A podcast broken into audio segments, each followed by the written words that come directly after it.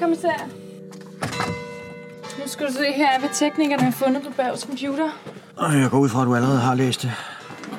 Kan du briefe mig kort? Ja, det kan du tro.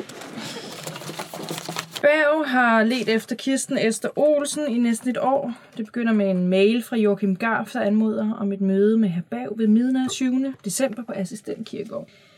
Herefter er der forskellige e-mails fra utallige personer og myndigheder, der alle går ud på at finde en bestemt efterkommer af Regine Olsen. Og da de endelig finder hende, er hun død. Mm-hmm. Men, men det ved vi jo godt allerede. Vi ved også, at han købte skrivepulten af Kirsten Esther Olsen. Garf, det var da ham, der fandt livet af Berg, var det ikke? Ja. Ja, det, det var måske slet ikke et tilfælde. Nej, noget kunne i hvert fald tyde på det. Find hans adresse frem og se efter, om vi fandt grundvis lidet om sangene i Edda fra 1806. Sange i Sangene i Edda. Edda. Ja, i Edda. Ja, Edda. ja. Hvad i alverden er det? Jamen, det hed den bog, Joachim Garf påstod, han skulle købe. Jeg bad betjentene lede efter den. Kriminalassistent Charlotte? Ja? Ja, vel ja. Øh, øjeblik. Joachim Garf står nede i receptionen. Han vil tale med dig om bagsagen. Se, se.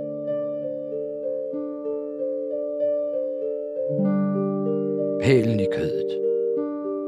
I radioteater i fire kapitler af Brødrene Jarlskov. Medvirkende er Nikolaj Meier, Morten Thunbo, Charlotte Kold, Stine Rue, Tone Karlheim, Christina Selden, Niels Jørgen Kappelørn, Michael Lindvad, Peter Tudvad, Thomas Kirk, Pia Søltoft, Anne Agerbæk, Joachim Garf, Paul Peter Nikolaj Jarlskov, Steffen Jensen, Kim Øverup, Frederik Berg, Flemming Jarlskov, retsmedicineren Claus Messerschmidt Juler, komponist August Bager, instruktion Jakob Octavius Jarlskov. Andet kapitel.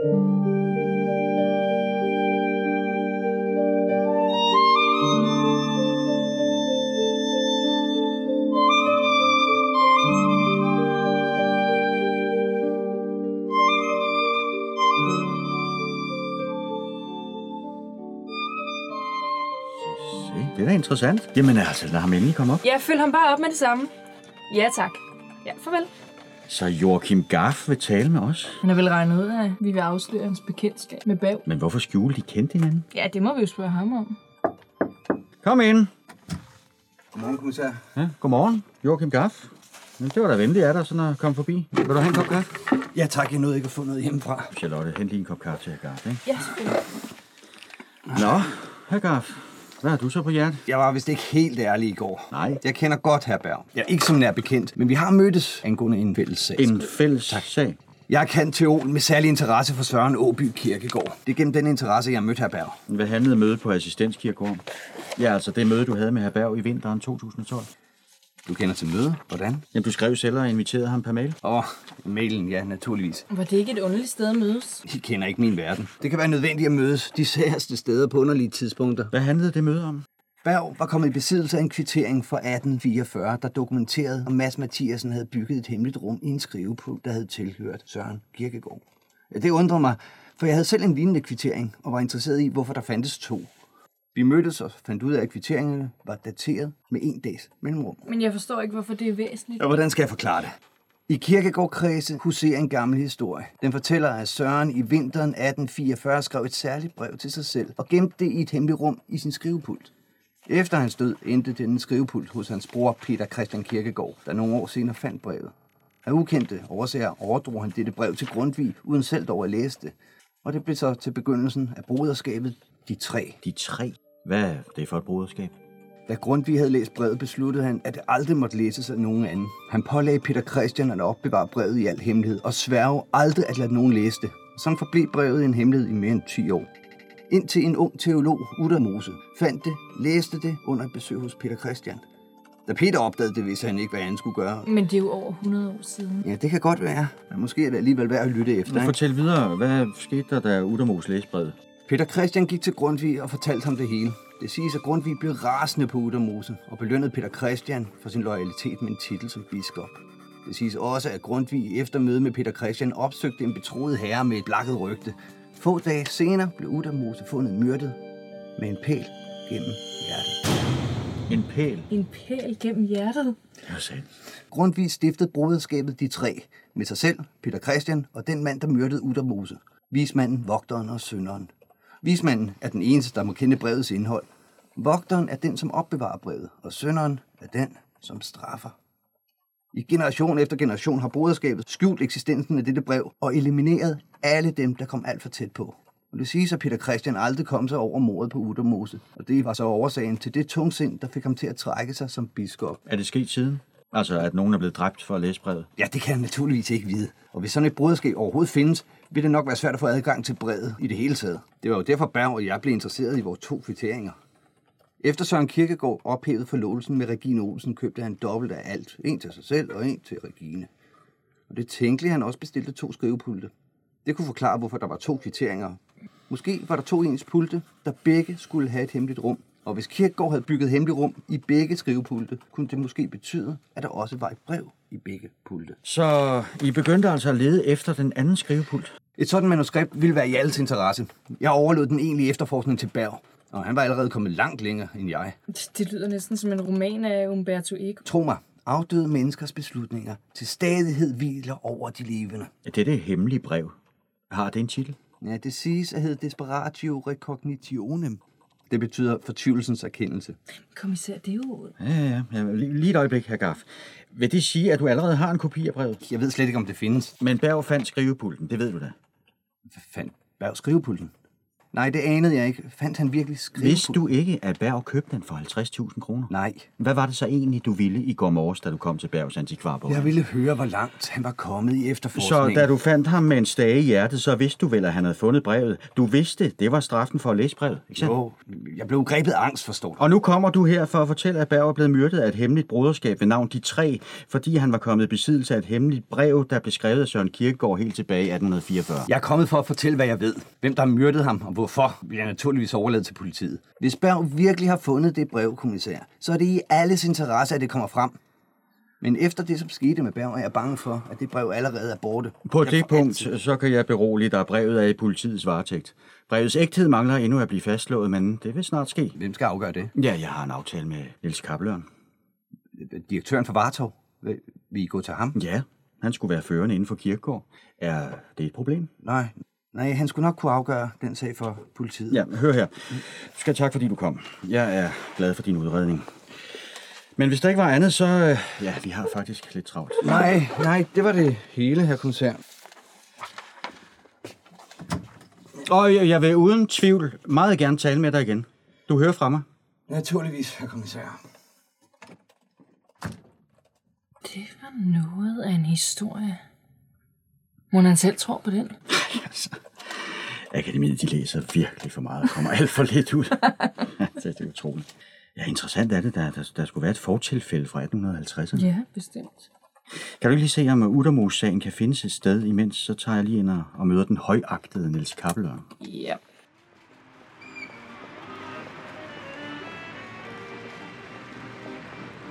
Nikolaj, Nikolaj, herovre. Pia! Hej, Pia. Hej. Hej. Hej. Det der brev, du gav mig i går, ikke? Mm. Altså, jeg ved slet ikke, hvad jeg skal sige. Har du læst det? Som jeg sagde i telefonen, så er det noget svært at læse. Men jeg tydede da titlen. Desperatio recognitionem. Mm-hmm. Der går en historie om det brev i kirkegårdkredse. Nå, du mener historien om broderskabet, de tre. Du kender den? Hvor kender du den fra? En berg blev myrdet med en spidspæl gennem hjertet. En pæl gennem hjertet. Men det er jo ligesom i historien. Eh, hvad kan det her betyde? Ja, det kan jo eksempelvis betyde, at en eller anden galning render rundt og myrder på den måde, for at nogen skal tro på en gammel historie. Skal vi... Hvad er Vartov egentlig for noget? Det er et center for kirkegårds liv og værk. Her er det.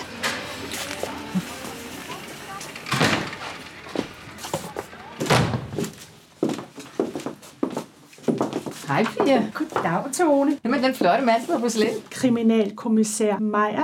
Ah, du begyndte at date en politimand. Jeg er her udelukkende i embedsmedfør. Åh, oh, det var en skam. Hm. Er kappeløjen på kontoret? Han sidder i møde nu. Er, er der noget, jeg kan hjælpe med? Vi er kommet for at få øh, verificeret nogle gamle breve. Ja, så vidt jeg ved, så er Kapleren direktør for selskabet. Mm, han sidder som sagt i møde lige nu, men øh, politiet arbejder måske på en sag. Ja, det handler om mordet på antikvarboghandler Frederik Berg. Politiet er kommet i besiddelse af nogle breve, der måske er skrevet af Søren Kierkegaard. Mm, ja, vel, ja. Det lyder interessant. Altså, vi har faktisk en aftale med Kappelørn nu. Jeg har set det i kalenderen med mødet, der er trukket ud. Skal jeg give ham brevene, så I kan komme videre? Jeg har en række spørgsmål, jeg gerne vil stille her Kappelørn. Vi venter gerne. Så lad mig hente kaffe til jer. Øjeblik. Hvem er hun? Tone Karlheim, en kompetent forsker. Hun fungerer nærmest som Kappelørns assistent. Og så er hun grundvigianer af den helt gamle skole. Nå, hvad mener du med det? Oh, du ved. Menneske først, dernæst kristen. Nej, det ved jeg ikke. Ej, ved du nu hvad? Du må da kende Nej, det gør jeg altså ikke. Så er der kaffe. Kaffe og hans gæster er netop gået, så øh, han er ledig nu. Tak skal du have, Tone. Og øh, tak for kaffen.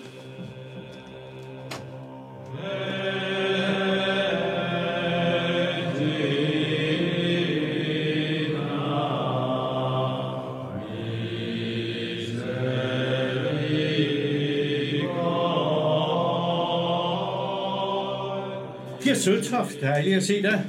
Og dem er kommissær. Velkommen til. Jeg kan forstå, at I har noget, jeg skal se på. I forbindelse med en morsag er vi faldet over nogle gamle breve. Der noget kunne tyde på, at de er skrevet af Søren Kierkegaard. Øh, Jeg kender alle Kirkegårds håndskrifter, og er personlig ejer et bibliotek nøjagtigt med til Kirkegårds.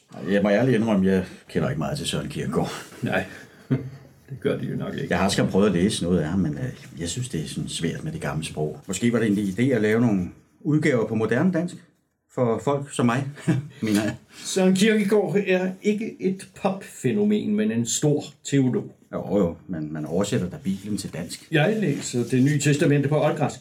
Jeg har tydet titlen på Kirkegårdbrevet. Desperatio recognitionem. Ja, jeg går ud fra, at de kender til historien om, om Desperatio Recognition.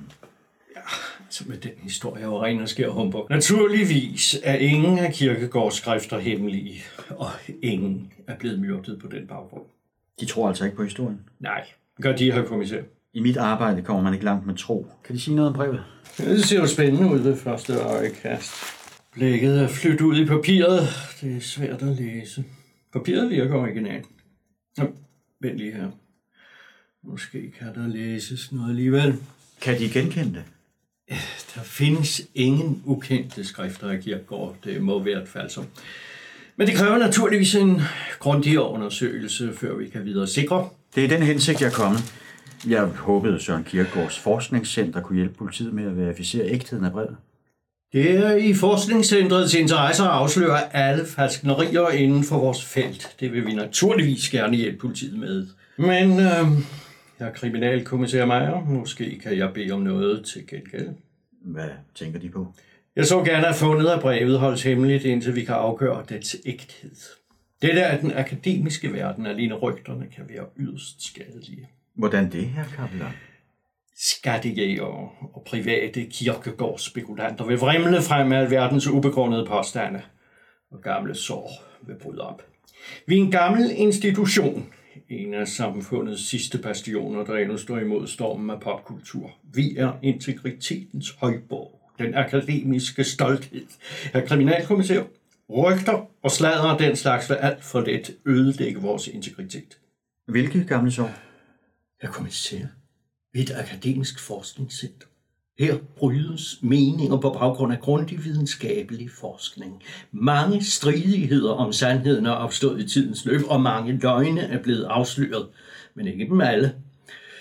Vi er få og må leve side om side med vores uenigheder.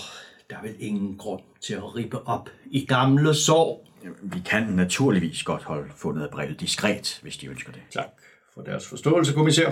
Hvor har de egentlig fundet brevet? Det er som sagt dukket op i en morsag. Jeg kan desværre ikke oplyse nærmere detaljer om, hvordan brevet er kommet i politiets besiddelse. Og nu vi er ved det, kendte de Frederik Berg? Nå, det er den sag. Jeg har læst om den i avisen, og ja, jeg har som alle andre i mit fag købt en del bøger gennem ham. Jeg kendte ham ikke privat. Faktisk så tror jeg slet ikke, at han havde noget privatliv. Han var vist hverken gift eller noget. Hvornår så de ham sidst? Det, det er jo flere uger siden. Jeg kan ikke huske nøjagtigt, hvilken dag. Jeg kan slå det op i min kalender, hvis du ønsker det. Det behøves ikke. Øh, undskyld mig et øjeblik. Det er min assistent. Hej, det er Charlotte. Ja, Jeg har fundet en gammel sag. Øh, Uttermose blev virkelig myrdet ved en pæl igennem hjertet. Nå, men det var ikke øh, derfor, jeg ringede. Hvor er du henne? Søren Kirkegaard Forskningscenter. Okay, jeg har øh, fået listen over opkald til butik. Det sidste opkald kom fra Vartov 2111, altså højst en halv time før mordet indtraf. Interessant. Ja, det tænkte jeg nok, du ville mene. Nå, men du kan jo spørge til, nu du er derinde. Tak for det. Beklager. Øh, Et vigtigt opkald. Nu skal vi heller ikke forstyrre dem længere, her Kappeløren. De har sikkert en masse at se til. Ligesom jeg selv. Jeg er glad for at kunne hjælpe. Og lige en sidste ting. Var de eller nogen af deres ansatte her i bygningen på mornatten efter kl. 21? Jeg var selv den sidste, der forlod forskningscentret den dag, og det var ved 20-tiden. Kunne nogen være kommet tilbage, efter de var gået? Det kan ikke udelukkes. Forskningen foregår både dag og nat. Sandheden er ikke begrænset af arbejdstider. Jeg efterlader brevet hos dem. Hvis... Ja, selvfølgelig. Hvor længe vil det sådan cirka tage at verificere? Åh, oh, det må jo nok tage en uges tid, men vi vil arbejde hurtigt. Den der skrivepult. Den har tilhørt Søren Kirkegaard. Er det samme skrivepult, som den gamle historie handler om? Det er den, der er årsagen til alle de tåbelige spekulationer. Der er med tanken også et hemmeligt rum bag skuffen. Det er jo kun naturligt, at sådan et rum har givet stof til myter, men der har aldrig ligget noget som helst i det. Er der andet? Vi går nu.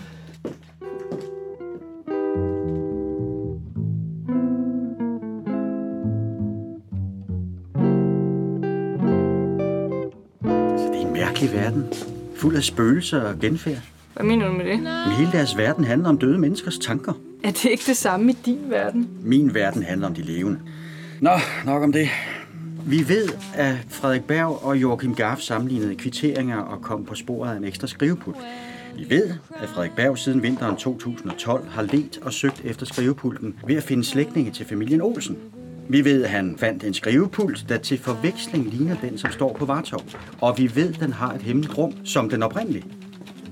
Vi kan ikke redegøre for, at Frederik Berg faktisk fandt papirerne i det hemmelige rum. Men, men lad os sige, at han fandt dem. Hvorfor sendte han dem så til sig selv?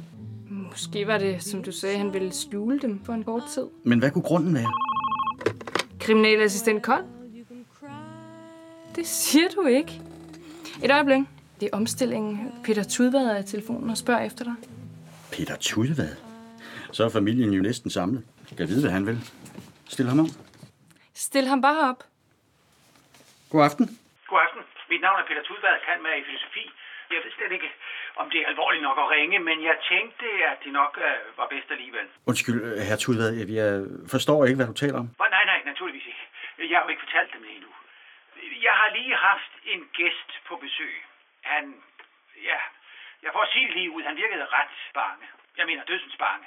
Han mente, at nogen var efter ham, og han sagde, at det handlede om mordet på Frederik Berg. Jeg opfordrede ham naturligvis til at ringe til politiet, men øh, han vil ikke blande politiet ind i det. Hvem er denne gæst?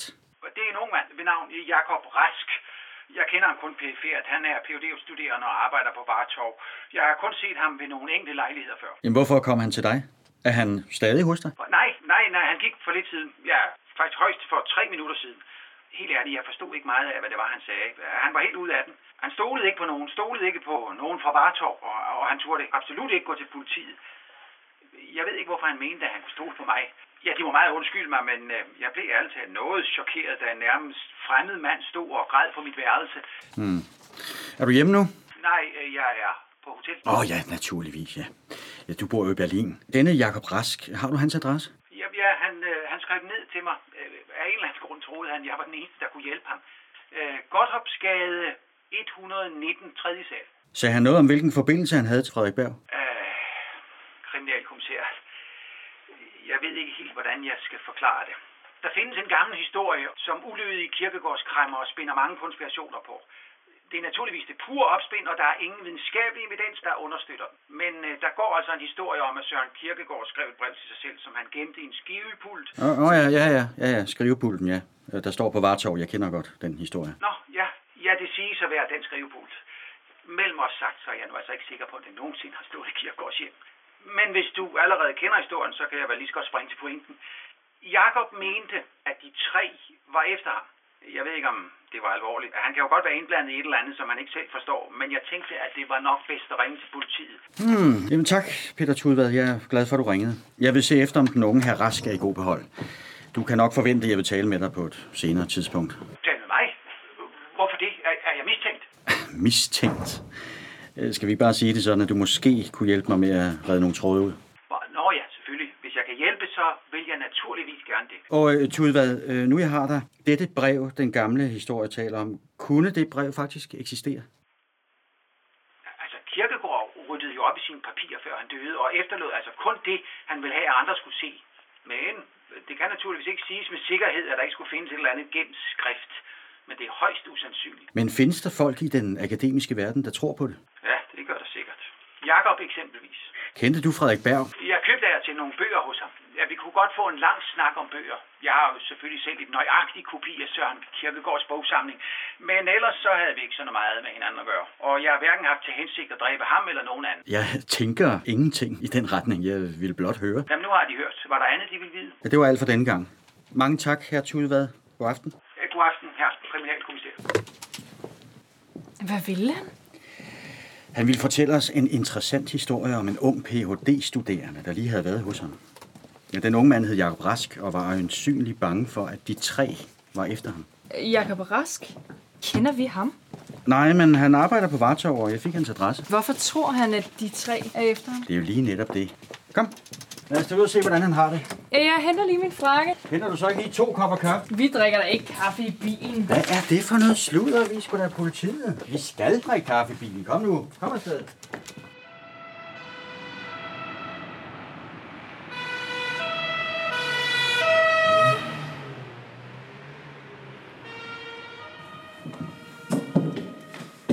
Det er godt nok en flot hovedtrappe. Ja, de rige har mange klæder. Tror du, han er rig? Ja, det er sgu nok hans forældre, der betaler. Det er jo så moderne. Nej, se lige den hoveddør. Dobbeltdør. Materede glasruder med sirlige mønstre. Wow. Og det ser da ikke ud, som om der er lys derinde. Og der er sikkert træplader bag glasruderne. Ring på. Jeg tror ikke, klokken virker. Men prøv at banke på, så.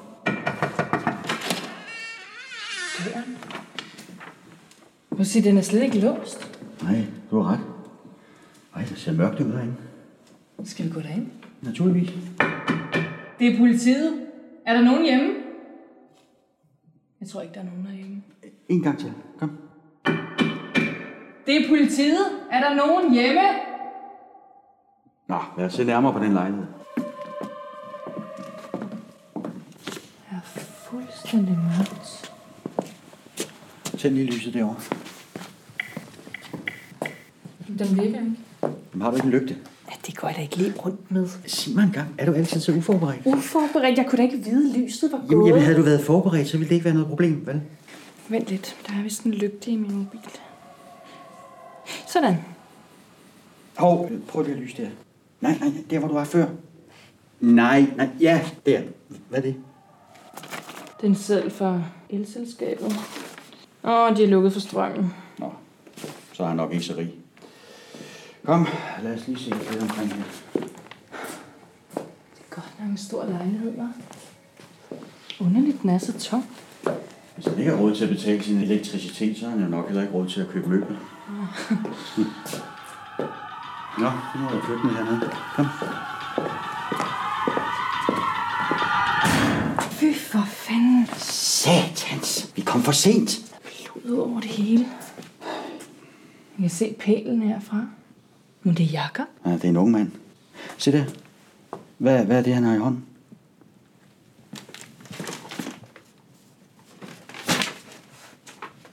Det er en folder om Peter Tudvads foredrag.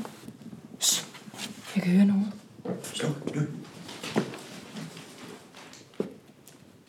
Der er en ude i gangen. Kom, lad os se, hvem det er.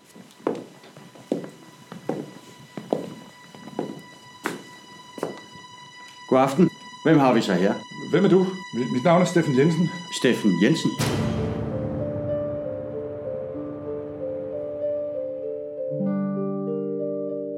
Du har lyttet til Pælen i kødet.